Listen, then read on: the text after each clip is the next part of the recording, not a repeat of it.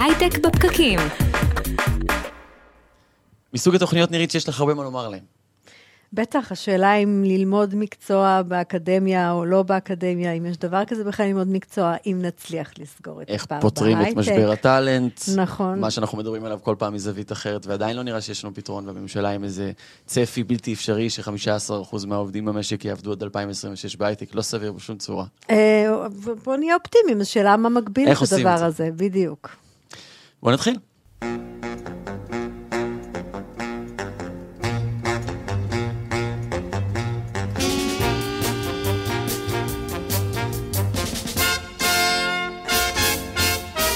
אז שלום לכולם, אנחנו שוב איתכם בהייטק בפקקים, מדברים על יזמות סטארט-אפים, טכנולוגיה והעתיד. אני רואה טולדנו, ביחד איתי מנחה את הפרק הזה, נירית כהן. שלום נירית. שלום מורי. אז אקדמיה, הכשרות, לאן את נוטה, מה רכשי הלב שלך? אני חושבת עדיין שהאקדמיה זה המקום אה, היחיד אה, משמעותי בינתיים ללמוד כן. ללמוד. מה שהוא בטוח לא עושה זה מלמד אותך מקצוע לחיים.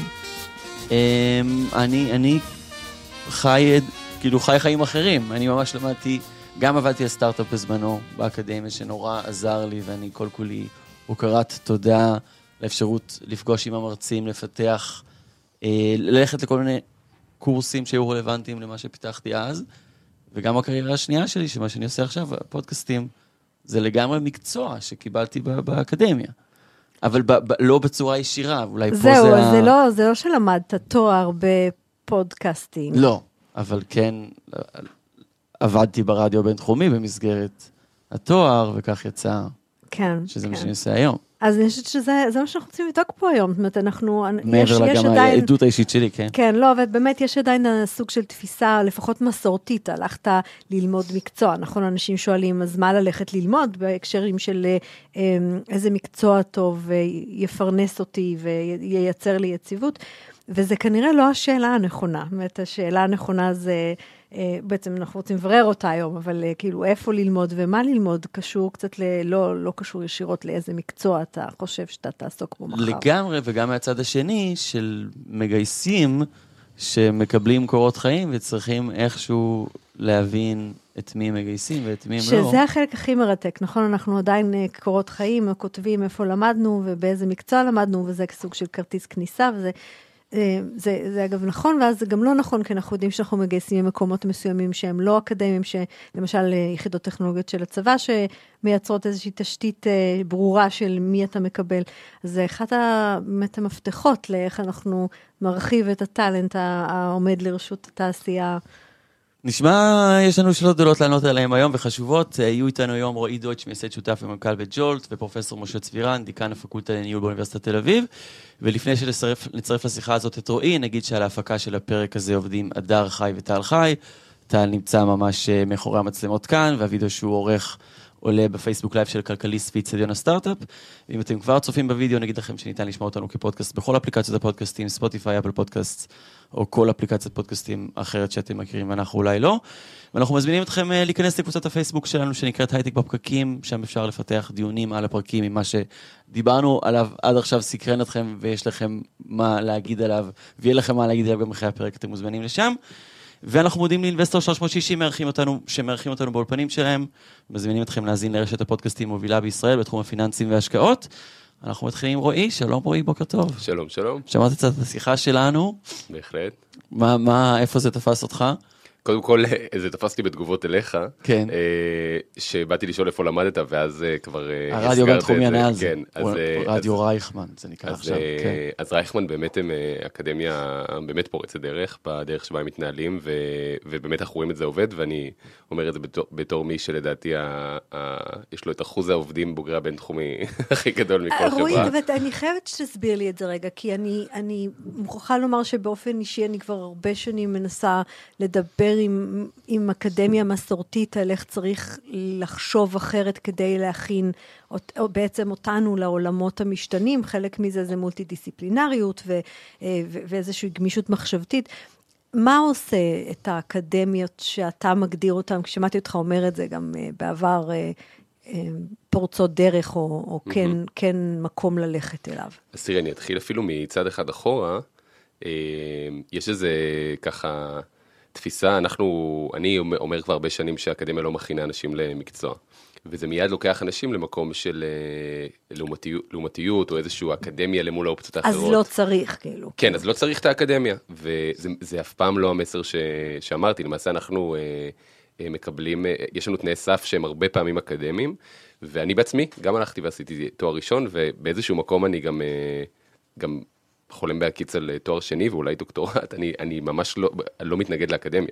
אני חושב שהאקדמיה, ופה יש ניואנס ש, שגם עבר ביניכם, שהוא לדעתי מהותי, לא מכינה אנשים למקצוע אה, כפי שאנחנו מגדירים היום אה, מקצועות, וזה תמיד היה נכון, כלומר זה לא שאנחנו נגיד, אם, לא, אם נטיח את ההאשמה הזאת בדיקן או בפרופסור, הוא לא יגיד לכם, לא נכון, זה לא כוונתנו. האקדמיה נותנת תשתית אינטלקטואלית ו, ו, אה, ומחקרית ל, לרכישת מקצוע רלוונטי. ו, ובוודאי, בוודאי שלא היינו רוצים עורך דין או רופא שלא למד באקדמיה. אה, אבל עד, בוא נגיד עד לפני כמה שנים, לא היינו יכולים לדמיין שהאקדמיה באמת תכין מישהו, ב, אה, שהוא יהיה plug and play למקצוע ב... לגמרי. ב, בטוח לא בהייטק. אה, אני, כאילו, רגע, דקה, זאת אומרת, סליחה, אבל, אבל במונחים של לא זיכרון היסטורי, כן. כן, אז כשאני הלכתי לאוניברסיטה, כן היה סוג של חוזה כזה, זאת אומרת. הלכת ללמוד, ואפשר היה לצייר גם ממדעי חברה, אוקיי? לא רק ממקצועות ספציפיים, כמו להגיד רופא, או באמת... אה, אפשר היה לצייר חמישה קווים בין מה שיכולת לעשות אה, בסוף תואר לבין אה, עיסוקים שיכולת ללכת לעבוד בהם. אז יחסית כן אנחנו הנחנו שאנחנו לומדים מקצוע ושגוף הידע שרכשנו מהווה תשתית ש, שאפשר לנו להגדיר את עצמנו מקצועית כל הקריירה. להגדיר מקצועית, אבל לא ממש לעשות את הצעד האחרון הזה, ושיהיה לך את הכלים. בסדר, אבל לא, אתה מבקש דוגמה, אז כן. לי למשל יש תואר ראשון ושני בכלכלה. וכן, יכולת ללכת לעבוד במשרד ממשלתי ככלכלן, בנק ישראל, בבנק, אוקיי, שעשה עוד איזושהי מערכת הכשרה, ובחברה, בחברה בתור uh, תקציבאי או משהו בסגנון הזה, כאילו, זה היה, זה היו הקווים הכלליים. Mm-hmm. וזה היה פחות או יותר גם הדרך שבה רוב האנשים התחילו. מיד אחרי התואר. אז, אז אני רוצה באמת לגעת ב, בעניין הזה, כי הוא מאוד מדויק.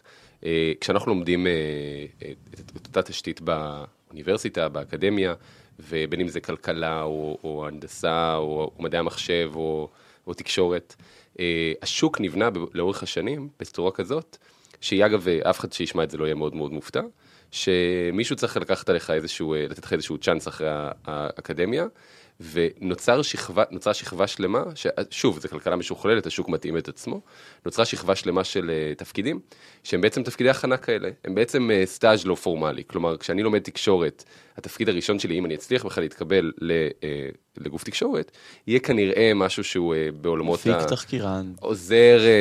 עוזר תחקירן. עוזר כן. תחקירן, או, וזה כן. מצוין, ככה השוק מתאים נכון, את עצמו. נכון, נכון, תפקידי כניסה. אלה יהיו משכורות של נכון. שכר מאוד מאוד נמוך, ובאמת של החיים, יהיה לך שם כאילו, בוא נגיד במקרה הטוב שנה, במקרה היותר נפוץ שלוש שנים, שבהם טוחנים אותך, פרדן מי פרנץ', על... עד שאתה מגיע לרמה המקצועית הנדרשת כדי באמת להחזיק תפקיד. וזה תואם בוודאי, נראית להמון uh, תיאוריות ש, ש, שאת מכירה, כמו uh, המעבר מ-learner helper ל-individual contributor, או, או כל סוג של uh, שינוי ב, בשלבי הקריירה, וזה ממש לגיטימי. מה שקורה בעולמות ההייטק, שאנחנו ככה רואים שמתחילה להיווצר פה אנומליה, קוראים לזה הרבה פעמים פרדוקס הג'וניורים, או, או עמק הניסיון, יש לזה הרבה, הרבה מאוד שמות, הוא שנוצר פה שחקן שיש לו המון המון כסף. והשחקן הזה, כל חברת הייטק אה, שמגייסת כסף, בעצם הזמן שלוקח לו להכשיר אנשים בין, בין השלב שהם, יש להם את התשתית האינטלקטואלית על פניו, לבין השלב שבו הם מוכנים לעבודה, הוא גם מאוד ארוך כי זה מקצועות מסובכים. הוא גם מאוד יקר, כי גם השכר המינימלי ביותר שאתה משלם לאדם במקצוע הזה הוא גבוה, וגם נכנס אלמנט שלישי שהוא מאוד מאוד מאוד יקר ולא היה קיים קודם, שזה זמן. לגמרי. למה זמן? כי חברות בצמיחה מוגבלות בזמן באופן אה, מאוד מאוד קיצוני. הזמן שלהם עולה המון כסף, כי הן מחשבות את קיצן לאחור או, או ליעד הבא שהן צריכות להגיע אליו, והזמן שיעלה, ל... הרי איך, איך אותו ג'וניור שנכנס לתפקיד זוכה להכשרה? יש senior נכון. שממנטר אותו. כשהזמן של המתכנתים לצורך העניין, כדוגמה, או של אנשי המכירות, כל כך יקר ו- ו- וקיצוני, וכל כך חסר לך אנשים נוספים, להקציב זמן של האנשים שהם כן contributing לחברה כרגע, כדי להכשיר אנשים חדשים, זה כמעט התאבדות בשביל הרבה חברות בצמיחה. לאור כל הדברים האלה נוצר פער, שאנחנו רואים אותו עכשיו בשוק, שבו ג'וניורים לא מצליחים למצוא עבודה, מצד אחד, ומצד שני, חברות מוכנות לשלם כמעט כל מחיר על בן אדם שעבר כבר את, ה, את העמק הזה. והפער הזה, אגב, זה פער שאני חושב שהוא מאוד מאוד זמני והשוק יתקן אותו.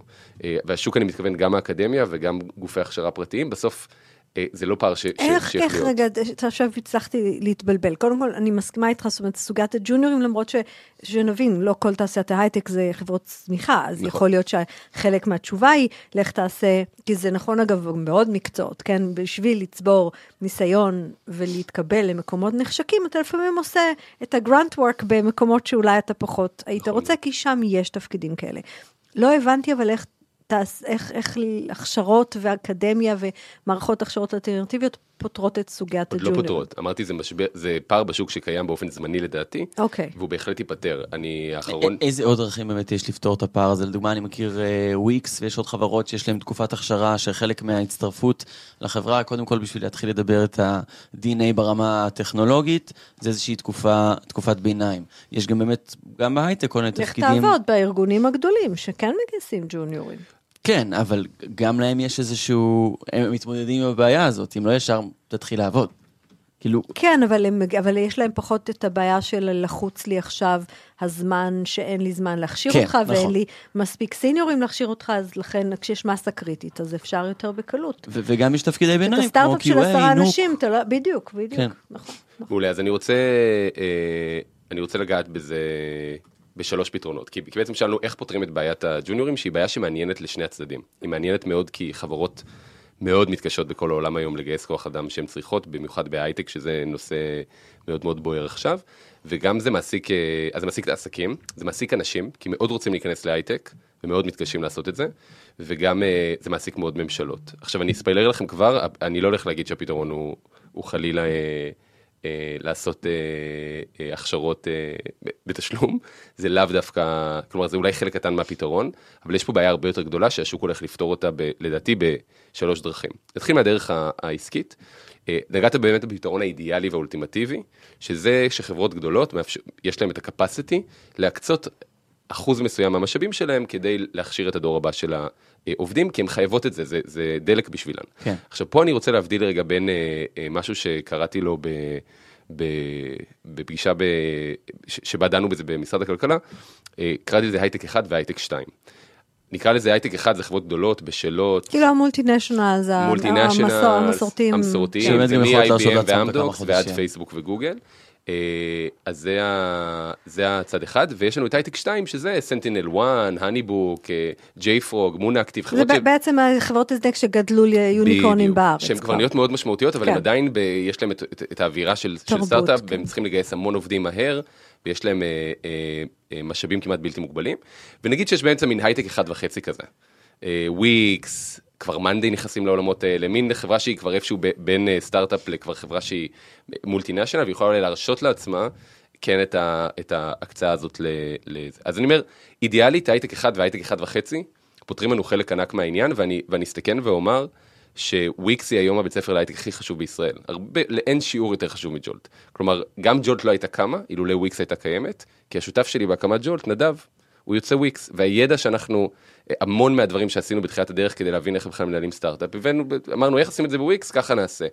אז אני אומר, החשיבות של ארגונים כמו וויקס ומאנדיי, ובתעשייה היא, היא אדירה. ללעשות mentoring לאנשים... ל, לא, פשוט עובדים, פשוט זה שוויקס אה, אה, בסוף נוגעת באלפי אנשים בשנה שעוברים תחת הממשקי learning and development שלה, כן. והבית ספר הפנימי של וויקס הוא כנראה הבית ספר להייטק הכי גדול בארץ, יש לזה משמעות אדירה לשוק. מה הבעיה שם? מספרים. בסוף וויקס מייצרת, פולטת לשוק, במקרה הטוב 200 אנשים, 300 אנשים בשנה. וזה לא יסגור לנו את הפער. זה ממש לא יסגור לנו את הפער, והלוואי שיהיה לנו עוד עשרות חברות כמו וויקס, מה שאגב לדעתי יקרה בסופו של דבר, ככה יתנהל בסוף בשוק משוכלל, השוק יפתור לעצמו את הבעיה. אגב, זהו, אני חושב שאין ברירה. אני חייבת לרגע לפתוח סוגריים, ותשים לב מה קרה לנו פה, אורי, כאילו אנחנו, אנחנו בשיחה על אה, כן או לא לומדים באקדמיה ואיך מכשירים להייטק, ו, ומבלי אפילו שהתחלנו לגעת בה, אנחנו ישר צללנו לסליחה, אבל אם התעשייה לא תפשיל שרוולים תתחיל לעשות פה משהו, זה לא יקרה. את לא, לא מסכימה איתי? מסכימה איתך לגמרי. אז אני אומר... אבל זה היה לי מעניין לראות כמה מהר הגענו לשם. כי uh, אני אפילו עוד רגע אגע במשהו שאני מאוד uh, מסתכן באומרי אותו, אבל, אבל אני אגיד שנייה שעסקית ברור שאנחנו צריכים כמה שיותר שהשוק יפתור את זה בזה, ש... בלי אגב להכריח אותו, בזה שהוא פשוט יצמח. ולאט לאט התחיל להקצות לזה משאבים, שאגב, אנחנו רואים את זה קורה. ראינו, אה, אה, אני רוצה להגיד שאנחנו, נגיד, עשינו בוטקאמפ להכשרת talent acquisition specialist, כי יש צורך בשוק. JFrog ראו את, ה, את העניין הזה, אמרו, אה, זה רעיון ממש טוב, נעשה גם אנחנו, פתאום הוציאו בוטקאמפ ל... מדהים. לגי... להכשיר מגייסים, זו תופעה מדהימה. כלומר, זה, זה לא מתחרה בי. על פניו, כי הם מכשירים לעצמם עובדים, וככל שנראה יותר חברות עושות את זה, אנחנו נראה פשוט יותר talent איכותי נפלט לשוק, שזה טוב לכולנו. ש, שרגע, שנייה, שזה, בוא רק נוודא שאנחנו מבינים מה זה. זאת אומרת, זה, אתה, לפני שהוא מכשיר את העובדים, הוא צריך בעצם לאפשר לעצמו את היכולת להגיד, אני מגייס אנשים שהם לא בדיוק מה שאני צריך, בדיוק. שהם ליד, נכון. ואני אשלים להם את הדלתא הזאת. נכון. ושם נכנס גם עולם שלם של diversity and inclusion ויכולת להכניס קהילות חדשות להייטק, שזה סופר משמעותי. ש, שזה המקור גם ליכולת נכון. להרחיב את מרחב האפשרויות. אחד הגדולים. כן. כן. וזה נוגע אגב, ואנחנו לא ניכנס... גיל שאנחנו לא מדברים עליו בדרך כלל. אה, אתה אומר, כאילו- הם אפילו לא חייבים להיות, כי אנחנו אומרים ג'וניורים. נכון. אנחנו אומרים, ג'וניורים בעיסוק, הם יכולים להיות, הם, לצורך העניין, עם 20 שנות ניסיון, בדיוק. נניח באיזשהו מדעי משהו שהוא לא ליבה כן. של הייטק, ועכשיו תעשה להם השלמה למשהו, ויהפכו להיות... אוכלוסייה שאנחנו פוגשים המון בקורסים של ג'ולט, אנשים עם המון ניסיון בתעשיות אחרות. ושהם ג'וניורים בהייטק, והפער הזה הוא מאוד uh, קשוח. אני כן רוצה להגיד רגע ש...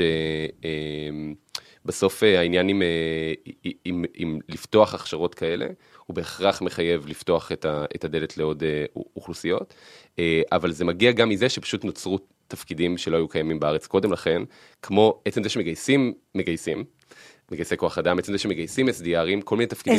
בוא תתן דוגמאות באמת למקצועות שהם ליד. SDR, Sales Development Representative, הבן אדם הראשון בתהליך המכירה בחברה שעושה B2B SaaS שזה עולמות תפקידים אגב, אפרופו הקטגוריה שלך של הייטק 1, הייטק 2, במולטינשיונל זה אף פעם לא הביאו תפקידים כאלה לארץ, אבל החברות שגדלו והפכו להיות חברות משמעותיות פה. עכשיו עם כל הכבוד, להכשיר מהנדס חדש לוקח ארבע שנים, אבל להכשיר אה, איש מכירות שכבר עבד במכירות בארקיע או בדיסקונט, ויש לו כבר כלים מכירתיים מאוד חזקים, להכשיר אותו ליכולת לעשות מכירה של B2B SaaS business, צריך להשלים לו את הפער של מה זה B2B SaaS, איך זה עובד התהליך, איך עובדים על Salesforce, אבל כאילו, זה בסוף, אה, יש פה talent איכותי בדברים האלה. לגמרי, ופה יש פוטנציאל הרבה יותר משמעותי להרחיב רואים... את, אה, את כוח האדם בהייטק. חד משמעית. ולחשוב ואנחנו... מחדש על הכשרות בעצם. נכון מאוד, וראינו אגב את התחלה של שינוי טקטוני בדבר הזה, כשרשות החדשנות שינתה בתחילת השנה את המנדט הרשמי שלה בספרים, מתמיכה בהייטק באמצעות העלאת כמות כוח האדם הטכנולוגי, לגם הם הוסיפו קטגוריה שלמה של באמת אה, אה, אוכלוסיות לא טכנולוגיות בהייטק, מתוך הבנה שאם לא יהיה לנו פה מומחיות במכירות, ואם לא יהיה לנו פה מומחיות בשיווק, ואם לא יהיה לנו מומחיות בכוח אדם, אנחנו פשוט לא נצליח לייצר עוד חברות כמו וויקס. אה, ואנחנו רוצים דווקא, אז אנחנו, אני רוצה להגיד על הדבר הזה שהשוק כבר מתקן את עצמו. אבל כל זה, זה איך השוק יתקן את עצמו. אני רוצה שנייה לקחת את הקטגוריה השנייה, שהיא קטגוריה ממשלתית. אה, מה, מה המקום של הממשלה בתוך דבר כזה, ואני בכלל לא רוצה לגעת במה נעשה בישראל, אני רוצה לגעת שנייה במה נעשה באנגליה דווקא. אז באנגליה אה, אה, יש דבר מדהים, שנקרא Apprenticeship Levi.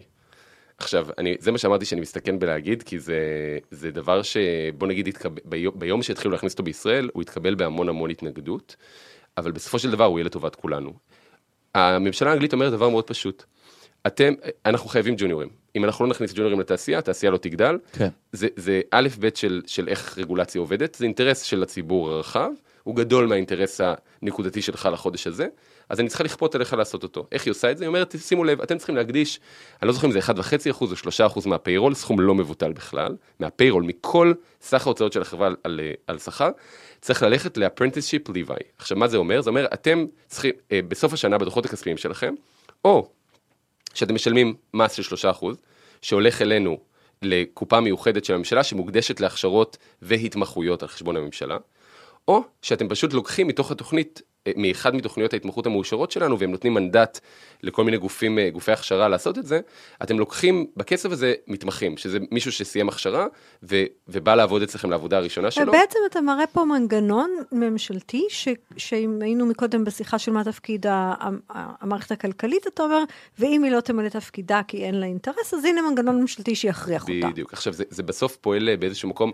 מה שקרה למעסיקים בדבר הזה, זה בהתחלה הייתה התנגדות, ולאט לאט זה נהיה עוד מס, שכדי לחסוך אותו, אני יכול להעסיק פשוט ג'וניורים, ואז אני מעסיק ג'וניורים, אני מגלה שזה לא כל כך, אה, השד לא כל כך נורא.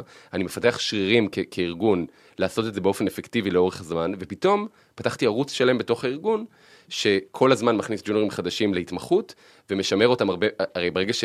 מה, מה הממשלה החכימה להבין שם? שברגע שבן אדם עבר את השבוע הראשון, או החודש הראשון, או החצי שנה הראשונה בחברה, בתפקיד, הסבירות שהחברה תרצה להשאיר אותו אחרי שהוא כבר רכש את הידע ועבר את עמק הניסיון, היא גבוהה לאין שיעור, ובאמת אנחנו רואים שם אחוזים של מעל 90 אחוז, מה, בחלק מהתוכניות של אנשים שנשארים, שנשארים אחר כך, כך, ב- למשרה מלאה. אז אני אומר, זו שיטה אחת שהממשלה יכולה לתמוך בזה. אה, אני רואה המון יוזמות יפהפיות לגמרום למעסיקים בישראל לעשות את זה בעצמם, זה לא יקרה. כאילו הדרך שבה כמות הכסף שיש כרגע בתוך הייטק היא כזאת, שאנחנו נמשיך לראות מעין אה, אה, תחרות, מרוץ חימוש כזה של פשוט מי יעלה את המשכורות כן, יותר. שזה יוצא קניבליסטי, כי חברות מתחרות בעצמם, ו- בדיוק. וכל המשק, כולם זה רע לכולם. שזה כן. זה לא רק רע מהמקום של אנחנו סתם מעלים את השכר, גם רע מהמקום של באמת באמת אין לנו מספיק אנשים, אז כאילו, אנחנו נוציא את המשרות האלה החוצה בסוף, הרי זה מה שיקרה.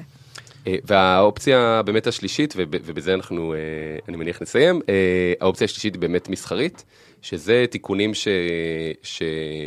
שחברות קטנות יותר יעשו בעצמם, ועובדים יעשו בעצמם. מה זה מסחרי? זה אומר, אני מוכן לעבוד בשכר הרבה יותר נמוך כדי להיכנס, או אני מוכן, אני בתור בן אדם שרוצה להיכנס כג'וניור, איזה צעדים מסחריים אני יכול לעשות, אז אנחנו רואים שזה, שוב, השוק מתקן את עצמו, אנשים עושים הכשרות בתשלום, מוכנים להיכנס ולקחת איזה, איזה עמק שכר כזה, זה דבר שאנחנו מאוד מאוד מדגישים תמיד למי שרוצה להיכנס להייטק כרגע בשוק הנוכחי, שזה עסקה בסוף, ואתה צריך להפוך את עצמך לאטרקטיבי, והחברה בסוף מסתכלת על זה באופן שאומר, זה הולך לעלות לי כסף הדבר הזה, כי ג'וניור שאני מכניס עולה לי כסף של, של משאבי הכשרה, משאבי הדרכה, משאבי כניסה, ולכן גם הציפייה המסחרית מחברות, היא שג'וניורים בשנה הראשונה ירוויחו הרבה פחות. היתרון בהייטק זה שבשנה השנייה אתה כבר מרוויח, השכר לא עולה ב-20%, כן. והרבה פעמים עולה ב-100%.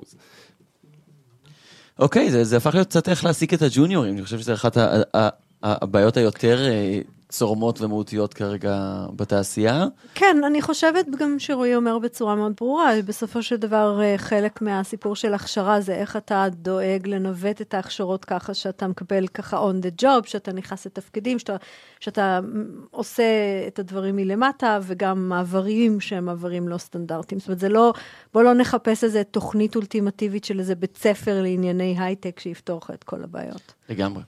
רועי דויטש, מייסד שותף, מנכ"ל בית שולט, תודה רבה. מעולה, תודה רבה. הייטק בפקקים. אני חושב שאחד הדברים המעניינים שרועי אמר ככה בין השורות, זה הוא אמר, אף אחד באקדמיה לא מצפה ולא יבטיח לך להוציא אותך ממש עם מקצוע. ייתנו לך את הרקע המקצועי, ילכו, ייתנו לך התשתית האינטלקטואלית, אבל לא ממש עכשיו צא, מה, צא מהאקדמיה, תתחיל לעבוד.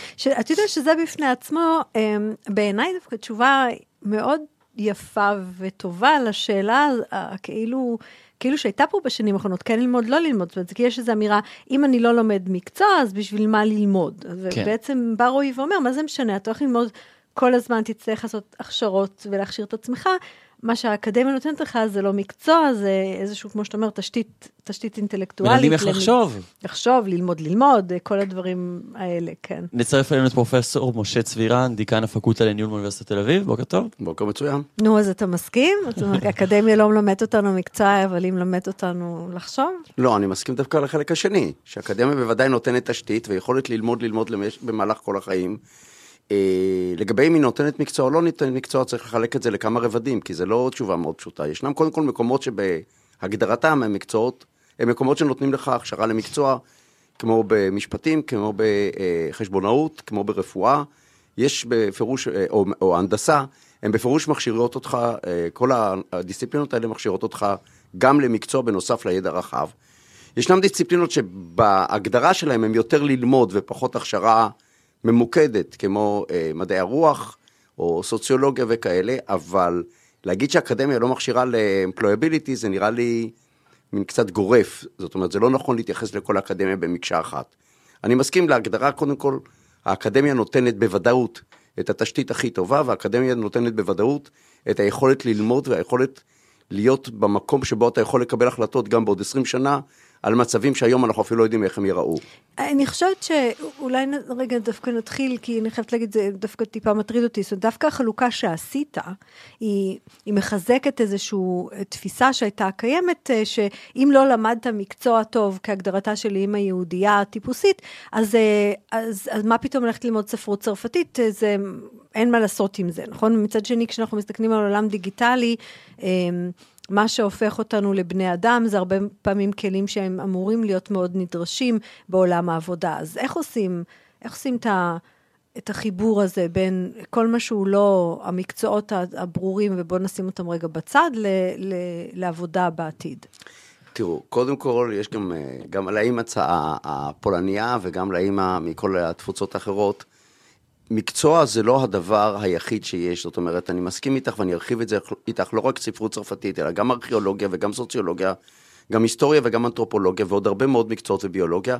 הם כולם אה, אה, דברים שרוצים ללמוד גם בשביל הנשמה וגם כי אתה רוצה להיות קרוב בזה, לזה ולעסוק בזה. כי זה מעניין אותך. כי זה מעניין אותך, וזה אחד היתרונות שיש לאוניברסיטאות גדולות בארץ ובעולם, שיש להם את המנעד הרחב. הן לא רק ממוקמות, ממוקדות בדברים שנותנים מקצוע מחר בבוקר, בין אם זה מדעי המחשב או חשבונאות, אלא הן מתרחבות ומתפרסות על כל תחומי הידע, שחלקם הם כי זה מעניין אותך, ומעבר לזה, ואמרנו את זה קודם, ובטח נחזור על זה עוד ארבע פעמים היום, הן פותחות לך את הראש באיך ללמוד, מה ללמוד, איך לכתוב עבודה, איך לכתוב נייר, איך לכתוב למנהל שלך, איך להציג דברים. זה הרבה יותר מאשר רק ללמוד איך להזיז מספרים מטור לטור.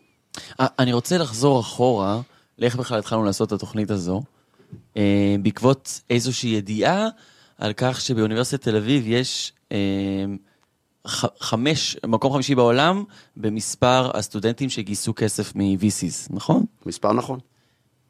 אז אנחנו בינינו דיברנו על הנתון הזה. שזה שאגב שאלה מאוד מעניינת, אם זה קשור לאוניברסיטת תל אביב או זה קשור ל start-up nation שנמצאת אז בתל אביב. מה, מה מאחורי המספר סליחה, הזה, מעבר לא, לאוניברסיטה עצמה? שאני רוצה להיות controversial־י, אז כן. לפעמים אני אומר גם לאנשים בתוך המערכת, תראו, זה מה שעשו בלעדינו, תחשבו אם נהיה פרואקטיביים, לאיזה מקום נגיע. כן. אבל זה ברמת החיוך. תראו, יש לנו יתרונות, ואמרה את זה נירית ואמרה נכון, אנחנו יושבים בתל אביב, בצנטרום של הפעילה, אנחנו מגייסים כשורותינו תלמידים תוך סינון מאוד מאוד מובהק, לא נותנים לכל אחד להיכנס, אלא מסננים בכל הדיסציפלינות את התלמידים הטובים ביותר, מלמדים אותם, המורים שגם הם חוקרים, והם גם, זה לא אלה שקראו את הספרים ומדקלמים אותם, זה ברוב המקרים אלה שכתבו את הספרים, ונמצאים בחזית הידע, וכתוצאה מכך זה שילוב שבעצם נותן להם גם את הידע, גם את היכולות, גם את הכן, את הקרבה התל אביבית למקורות המזון, נקרא לזה, למקומות העבודה. אז אין ספק שזה לא מזיק לנו, אבל אתם יודעים, צריך להתפרסם, מאז שדיברנו לראשונה ועד היום מתפרסם עוד דירוג של אה, אה, בוגרים שגייסו כסף מ-VCs לטובת הסטארט-אפים שלהם, וגם שם כמובן תל אביב היא היחידה, אה, האמת שהיא היחידה מחוץ לעולם שנמצאת בעשירייה הפותחת. מחוץ לארצות הברית. לא, לא, אה, מחוץ לארצות הברית, סליחה. והיחידה בעולם הוא מחוץ לארה"ב שהיא ממוקמת בעשירייה הפותחת, אבל בחמישים הראשונות יש עוד שלוש אוניברסיטאות ישראליות, זאת אומרת זה לא רק התל אביביות, אלא זה גם ה-DNA וגם כל מה שיש לנו מסביב לזה מעבר ללימודים האקדמיים. אז מה, מה צריכה האקדמיה לעשות לטובת בעיית האין מספיק טאלנט ב-available להייטק, וכבר, וכבר מיקדנו את זה, שזה לא מחייב או בהכרח רק עוד מהנדסים, זאת חלק גדול מההרחבה הפוטנציאלית שהמדינה רוצה לייצר מ-10-11 אחוז לאזור של 15, זה, זה מיומנויות אחרות. הנה דווקא, הנה הזדמנות למדעי החברה והרוח. זו הזדמנות מצוינת, והיום שאנחנו מדברים עם הבוגרים שלנו, אתם יודעים, פעם אמרנו שאנחנו לצורך העניין, מכשירים יזמים, או נותנים להם בעצם את הכלים לניהול יזמות, היום אנחנו מסתכלים על זה לגמרי אחרת. אגב, יש לזה גם ביטוי למה שקורה בתעשייה הישראלית בכלל. המעבר מ start-up nation ל scale-up nation או ל unicorns. אז באמת במעגל הראשון של המפתחים אנחנו מוצאים את המהנדסים ואלגוריתמאים ומדעי המחשב וכן הלאה.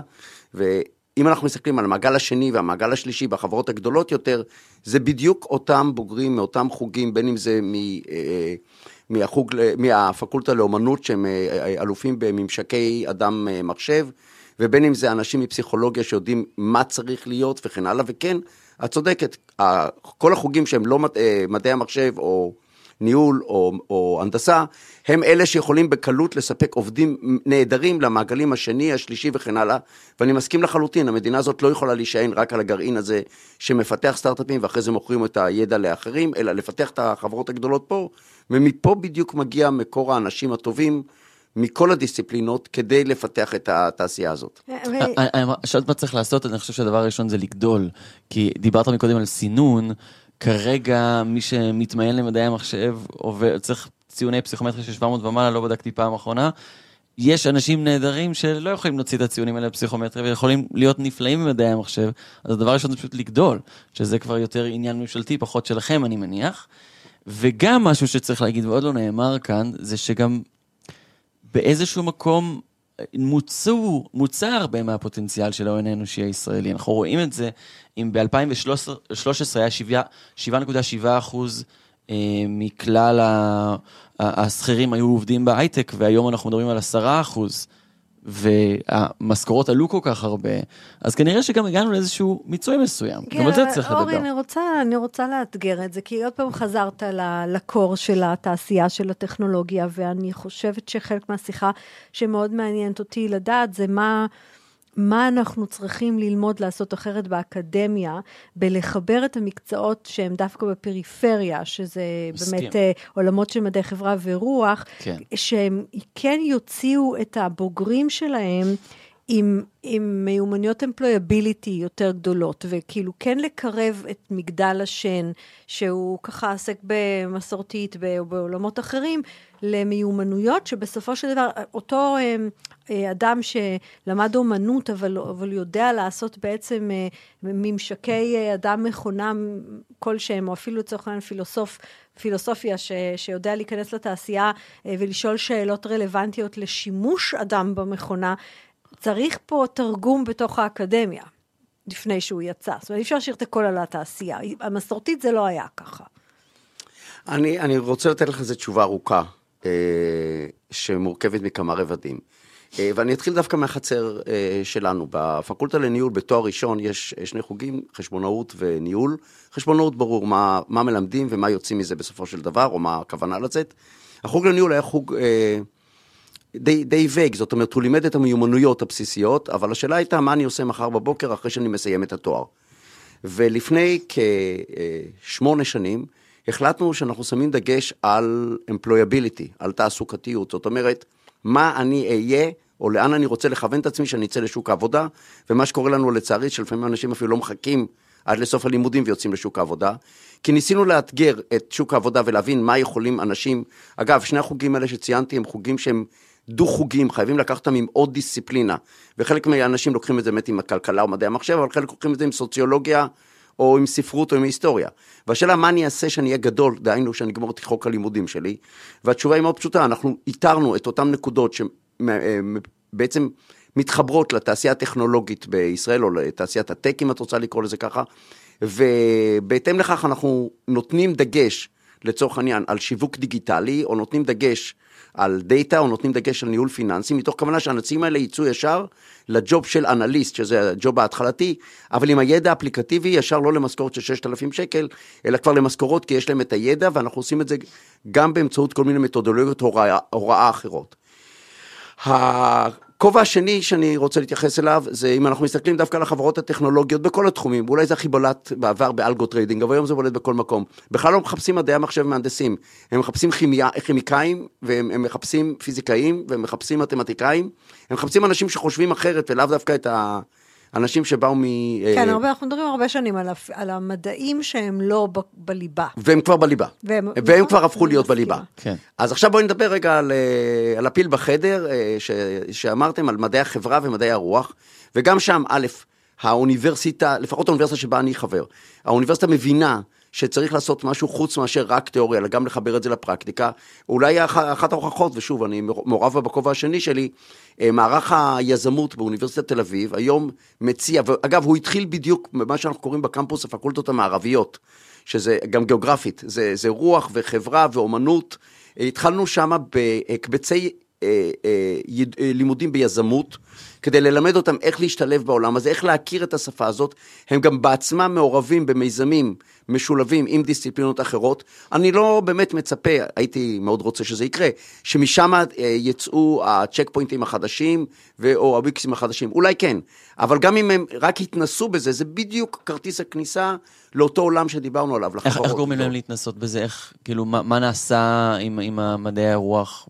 איך מחברים תראה? אחד המשפטים, אני, אני אומר את זה בחיוך, כי כבר אני יודע שלא יפטרו אותי, אני קרוב לפנסיה, אבל אחד המשפטים הכי ידועים באקדמיה, שלאט לאט נמוג, זה לא יעלה על הדעת. כן. אוקיי? זאת אומרת, אתה בא עם רעיון חדש, חדשני, אומרים לך לא יעלה על הדעת, כי היום הוא כבר כמעט ולא קיים. אז ואחת הדוגמאות הבולטות זה שבמדעים שציינו, אה, בחברה הרוח ואחרים, אה, האוניברסיטה, קרי אותם חוגים גם, הסכימו להקצות חלק משעות ההוראה הקדושות ולהוריד אה, מקצועות מהדיסציפלינות שלהם לטובת ההוראה והידע בתחום של היזמות והחדשנות. זאת אומרת, זה נספר לתלמידים בתוך הקורסים שלהם, כן. זה נספר להם בתוך התואר שלהם, ומקרבים אותם למשהו אחר, שוב, זה לא על בסיס חובה. אבל מי שרוצה, ואנחנו די עושים לזה גם PR בפנים, יכול, ולדעתי גם צריך, להתנסות בעולם הזה, כי לכולנו ברור שזה הקטר שמוביל את התעשייה הישראלית, את הכלכלה הישראלית, ובתחנה אין קטר אחר, זאת אומרת, זה הקטר היחיד שיש לנו. 43% בייצוא? כן, מסכים לחלוטין, מספרית, זה, זה הקטן. אנחנו, אנחנו בעד אה, להגדיל את זה, וגם אני אגיד לך, זה פשוט, זה גם מונע בסופו של דבר את היציאה של המקצועות האלה החוצה. זאת אומרת, חלק מהיופי של חברות שצמחו זה שהם הם הביאו לארץ אה, משהו שהמולטינשנלס לא הביאו לארץ, שזה אה, כל הפריפריה של ההייטק. אז יש פה הזדמנות לקחת אנשים שנמצאים לא במקצועות טכנולוגיים ולהביא אותם לתוך התעשייה. ואני, א', אני מסכים במאה אחוז, וב', אני מסתכל, אפילו מוכן להגיד בגאווה, על מה שקורה לנו לא רק בחברות הרב-לאומיות שמגיעות הנה, ובעצם הדגש שלהם פה ברוב המקרים זה מרכזי פיתוח, ואנחנו בעצם מוכרים את הידע שאנחנו מייצרים לחברות הגלובליות. ופה אנחנו פתאום רואים תופעה, כולם קוראים לזה היוניקורנס, אבל זה לא רק היוניקורנס, זה חברות גדולות, שהן לא רק מפתחות ויושבות על הגדר מחכות שיקנו אותן, ולא משנה באיזה סכום, אלא הן רוצות למקד את כל הפעילות שלהן, את כל ההוויה שלהן בישראל, לעשות כאן לא רק פיתוח, אלא גם שיווק וגם ניהול מוצר ואת הכל, וגם נכון, למכור מכאן. נכון, ואז אני שואלת אותך, ואיך, ואיך בעצם אתם מתארגנים בשביל לתמוך בזה? כי אתה יודע, כש- כשחוזרים לארצות הברית, רגע, דיברנו על ארצות הברית, אז אה, סטנפורד מול עמק הסיליקון, אתה מאוד מרגיש את החיבור, את, ה, את היכולת, את החלק שלהם בהכשרות מנהלים, ב, ב, באמת ב... אמ, אפילו בגורמי ייעוץ, ואני חושבת שבארץ מסורתית אנחנו לא יכולים להגיד שהיועצים הכי גדולים והחיבורים הכי גדולים אה, שהתעשייה צריכה לידע באו בהכרח מה, מהאוניברסיטה המקומית. סליחה אם פגעתי. את ממש לא פוגעת, קודם כל... לא שאנחנו לא מכירים איזה הרבה עשורים של שנים. לא מוכרחים לגלות. הכל. אה, אה, קודם כל, אני, אני רוצה שוב לחלק את זה. עמק הסיליקון צמח מסטנפורד וברקלי, בעצם יש איזשהו, אה, אם אנחנו חוזרים לאוניברסיטאות, ישנה תיאוריה שאומרת מה צריך כדי לפתח אקו-סיסטם אה, בתחום הטכנולוגי, והתוצאה היא בעצם אה, שלוש רגליים, לפעמים אני קורא לזה השילוש הקדוש, שאנחנו צריכים לצורך העניין, א', את, הממשלה, שלא תפריע אה, עם חיוך, אבל באמת שהממשלה תתמוך, והאמת היא שממשלת ישראל היו, תומכת. היו לנו, כן. תומכת, אני, אני חושב שאנחנו יצירת אחת, המ- ההייטק הייתה... אחת הממשלות כן. הכי תומכות בעולם, ובאים ללמוד מה אנחנו עושים, וזה לא רק רשות החדשנות. לא, לא, זה עוד זה היסטורית בכלל. רגולציה, זה תמיכה, זה הרבה מאוד דברים, ופה מגיע מברוק גדול לממשלת ישראל לדורותיה, ולא חשוב מי היה בשלטון. החלק השני זה התעשייה, התעשייה מביאה בדיוק את מה שהתחלנו לדבר עליו, את הלהפוך את הידע לידע פרקטי, על ידי זה שהם מביאים את המתודולוגיות, ואגב, אה, אה, חברות שאת אה, מכירה מעברנו המשותף, גם מוטורולה, גם אינטל, גם IBM שהגיעו לארץ, ואנחנו מכירים את ה... בסדר, זה התשתית של הייטק משנות ה-90 בעצם. לא, גם היום, גם, גו, גם גוגל ופייסבוק ואחרים שהם באים לארץ, הם מביאים את המתודולוגיות ברור, מהעולם, ברור. שמכשירות את האנשים שלנו ל, ל, לתפקידים, גם נכון. כשהם יעזבו. אבל הגורם השלישי שמוכר בכל העולם, זה בעצם הגורם שמייצר את ה talent. עכשיו, בכל העולם זה אוניברסיטאות. ובישראל זה היה הצבא. זה הצבא והאוניברסיטאות, זה נכון, שניהם. כן. וזה רכיב ש, שלכן, אגב, מי שאומר לנו על האקו-סיסטם הישראלי, אני אומר, חבר'ה, אי אפשר להעתיק אותו, כי את הצבא שלנו נכון. אי אפשר להעתיק. נכון, אבל אני, אבל אני, בעצם האתג- האתגור פה הוא שבגלל קיומו של הצבא, אני חושבת שהאוניברסיטאות לא נכנסו עד הסוף לספייס הזה, ו, ובעצם אנחנו יושבים פה ואומרים, עכשיו אנחנו ממש צריכים אתכם בפנים, ואנחנו צריכים אתכם בפנים יותר, כי, כי הצבא, הוא סיפק לנו את הטכנולוגים, אבל אנחנו צריכים את כל העולמות האחרים, והוא לא מספק לנו אותם. אה, גם פה אני רוצה להיות טיפה סנגור השטן בקטע הזה. קודם כל, זה תמיד היה במובלע, זה לא היה בגלוי. כי אם תסתכלי, וצוין פה קודם הדירוג של אוניברסיטת תל אביב ב- ביזמים ובמיזמים שלהם, אה, זה לא נעשה, אני אומר עוד פעם, זה לא נעשה באופן פרואקטיבי, אבל התוצאה היא, ולא כל מי שנעשה יזם מאוניברסיטת תל אביב עבר באחת היחידות שמתחילה במספר 8 או 9. אז כן עשו משהו בכיוון הזה שבעצם משך את היזמים להקים את החברות הגדולות, וחלקן אגב נעשו בשיתוף עם אנשי סגל, שהביאו ידע פלוס ידע כדי לייצר ידע. אז זה אחד. Uh, השני, אני לחלוטין uh, מסכים איתך, אבל אני רוצה רגע לאתגר את הנושא. תראו, uh, אני, אני, אני אסתכל על המקרה של עצמי, אני בוגר מדעי המחשב לפני uh, הרבה עשורים, אוקיי? Uh, השפות שלמדתי כבר לא רלוונטיות היום, אני חושב שהן גם לא היו רלוונטיות אז. אבל החוכמה שבצורה שלימדו אותי זה שאני מסוגל להתמודד עם אתגרים בתחום הזה אה, גם היום, זאת אומרת, אם ישיבו אותי מחר סביב, על מול מסך, וילמדו אותי, או יראו לי סביבת עבודה, אני אקלוט אותה בקלות בגלל הרקע. היחידות הצבאיות, חבר'ה, אה, אה, צריך גם לשים את הכל בפרופורציה, ואני לא הולך להיכנס כרגע למבנה של יחידות צבאיות. יש לנו אנשים שהמסלול שהם עברו, במיוחד אה, אני דווקא לוקח את הלוחמים, היכולת לקבל החלטות, היכולת לתפקד תחת לחץ וכולי, מכשיר אותם מצוין לתעשיית ההייטק, האוניברסיטה נותנת להם את הידע, והתוצאה היא start-up nation. כן, זה זה לא, נכון. בואי לא נתבלבל. לא, אז אנחנו יודעים ש start-up start-up nation nation לא זה יושב לא רק... שמונה נקודה. ב- זה בוודאות זה ממש נכון. לא. אנחנו מדברים על זה כל הזמן, שהצבא הוא, הוא מנגן, הוא בעצם מערכת התעסוקה הראשונה של, של רבים מאיתנו, והוא מייצר הרבה מאוד מיומנויות ויכולות ש, שנותנים לאנשים צעירים לפתח, ש, שבאמת עושים אותנו יוצאי דופן. פרופסור משה צבירן, דיקן הפקולטה לניהול אוניברסיטת תל אביב, תודה רבה לך. אנחנו מגיעים אה, לסוף הפרק הזה של הייטק בפקקים, יש לנו עדיין מלא שאלות שהשארנו פתוחות. המון, אבל אני חושבת שלמדתי היום, אה, אחד זה שכאילו השאלה ללמוד או לא ללמוד הופכת להיות, אה, באוניברסיטה הופכת להיות קצת פחות מעניינת, כי אנחנו מתחילים לנתק את השאלה של ללמוד מקצוע מללמוד, ללמוד ולהרחיב את, את החשיבה ולייצר תשתית. לחיים. אה, וזו השאלה הבאה שכן, שאנחנו צריכים לחפור בה. אה, עוד שאלה שנשארה פתוחה, זה דווקא על הצד השני. אה, מגייסים ומגייסות שמסתכלים על קורות חיים, איך בוחרים ואיך מצליחים לזהות את אותם skills שדיברנו עליהם. כן. זה רק חידד את זה, שבעצם אנחנו כבר לא יכולים לגייס אנשים ממקצוע שהם למדו באוניברסיטה, צריך ללמוד לגייס אותם משהו אחר, וגם ללמוד להכשיר אותם ולא לגייס אותם אפויים עד הסוף. לגמרי, שזה פשוט כורח המציאות, זה משהו שיהיה חייב לקרות בצורה כזאת או אחרת. וגם דיברנו מאוד על ההייטק הזוהר, ואנחנו פה בהייטק בפקקים, זה המקום לעשות את זה, אבל אני רוצה קצת להרחיב את הדיון, וזה גם יהיה אולי מעניין לעשות על זה פרק, על אותם הם, הם, תפקידים חצי טכנולוגיים שנמצאים לדוגמה בסקטור ממשלתי, וגם מאוד תורמים לפריון המשק, מה שרונן ניר, קראתי פוסט שלו, הוא קרא לזה טרנספורמציה דיגיטלית. וזה גם מקצועות שצריכים אתה אומר, להכשיר. בסופו של דבר גם צריך טכנולוגים בשביל שהבנק יהיה דיגיטלי. וטכנולוגים בשביל שחברת החשמל תפרוס לנו רשת, אה, כן. שאנחנו יכולים גם לתרום לה ולא רק לצרוך ממנה וכולי וגם וכולי. לאומי, פועלים, אה, הם מחברות ההייטק הגדולות במשק. פשוט לא, אולי cutting edge, כמו חברות אחרות שהזכרנו היום. תודה לכם שהאזנתם לנו, אם אתם מכירים אה, ג'וניורים שזה יהיה רלוונטי, אתם מוזמנים לשלוח את זה להם. סטודנטים במהלך הלימודים גם, אני חושב ש, שיהיה להם מה לתרום, להתערם מזה. אה, אם אהבתם, אתם מוזמנים לדרג אותנו חמישה כוכבים בכל אפליקציות הפודקאסטים. אה, נודה שעל ההפקה, טל חי, מאחורי הניתוב של המצלמות אה, וההפקה, והדר חי. תודה לנירית כהן. תודה לאורית ולדנו. אנחנו נשתמע בשבוע הבא, הייטק בפרקים. יאללה ביי.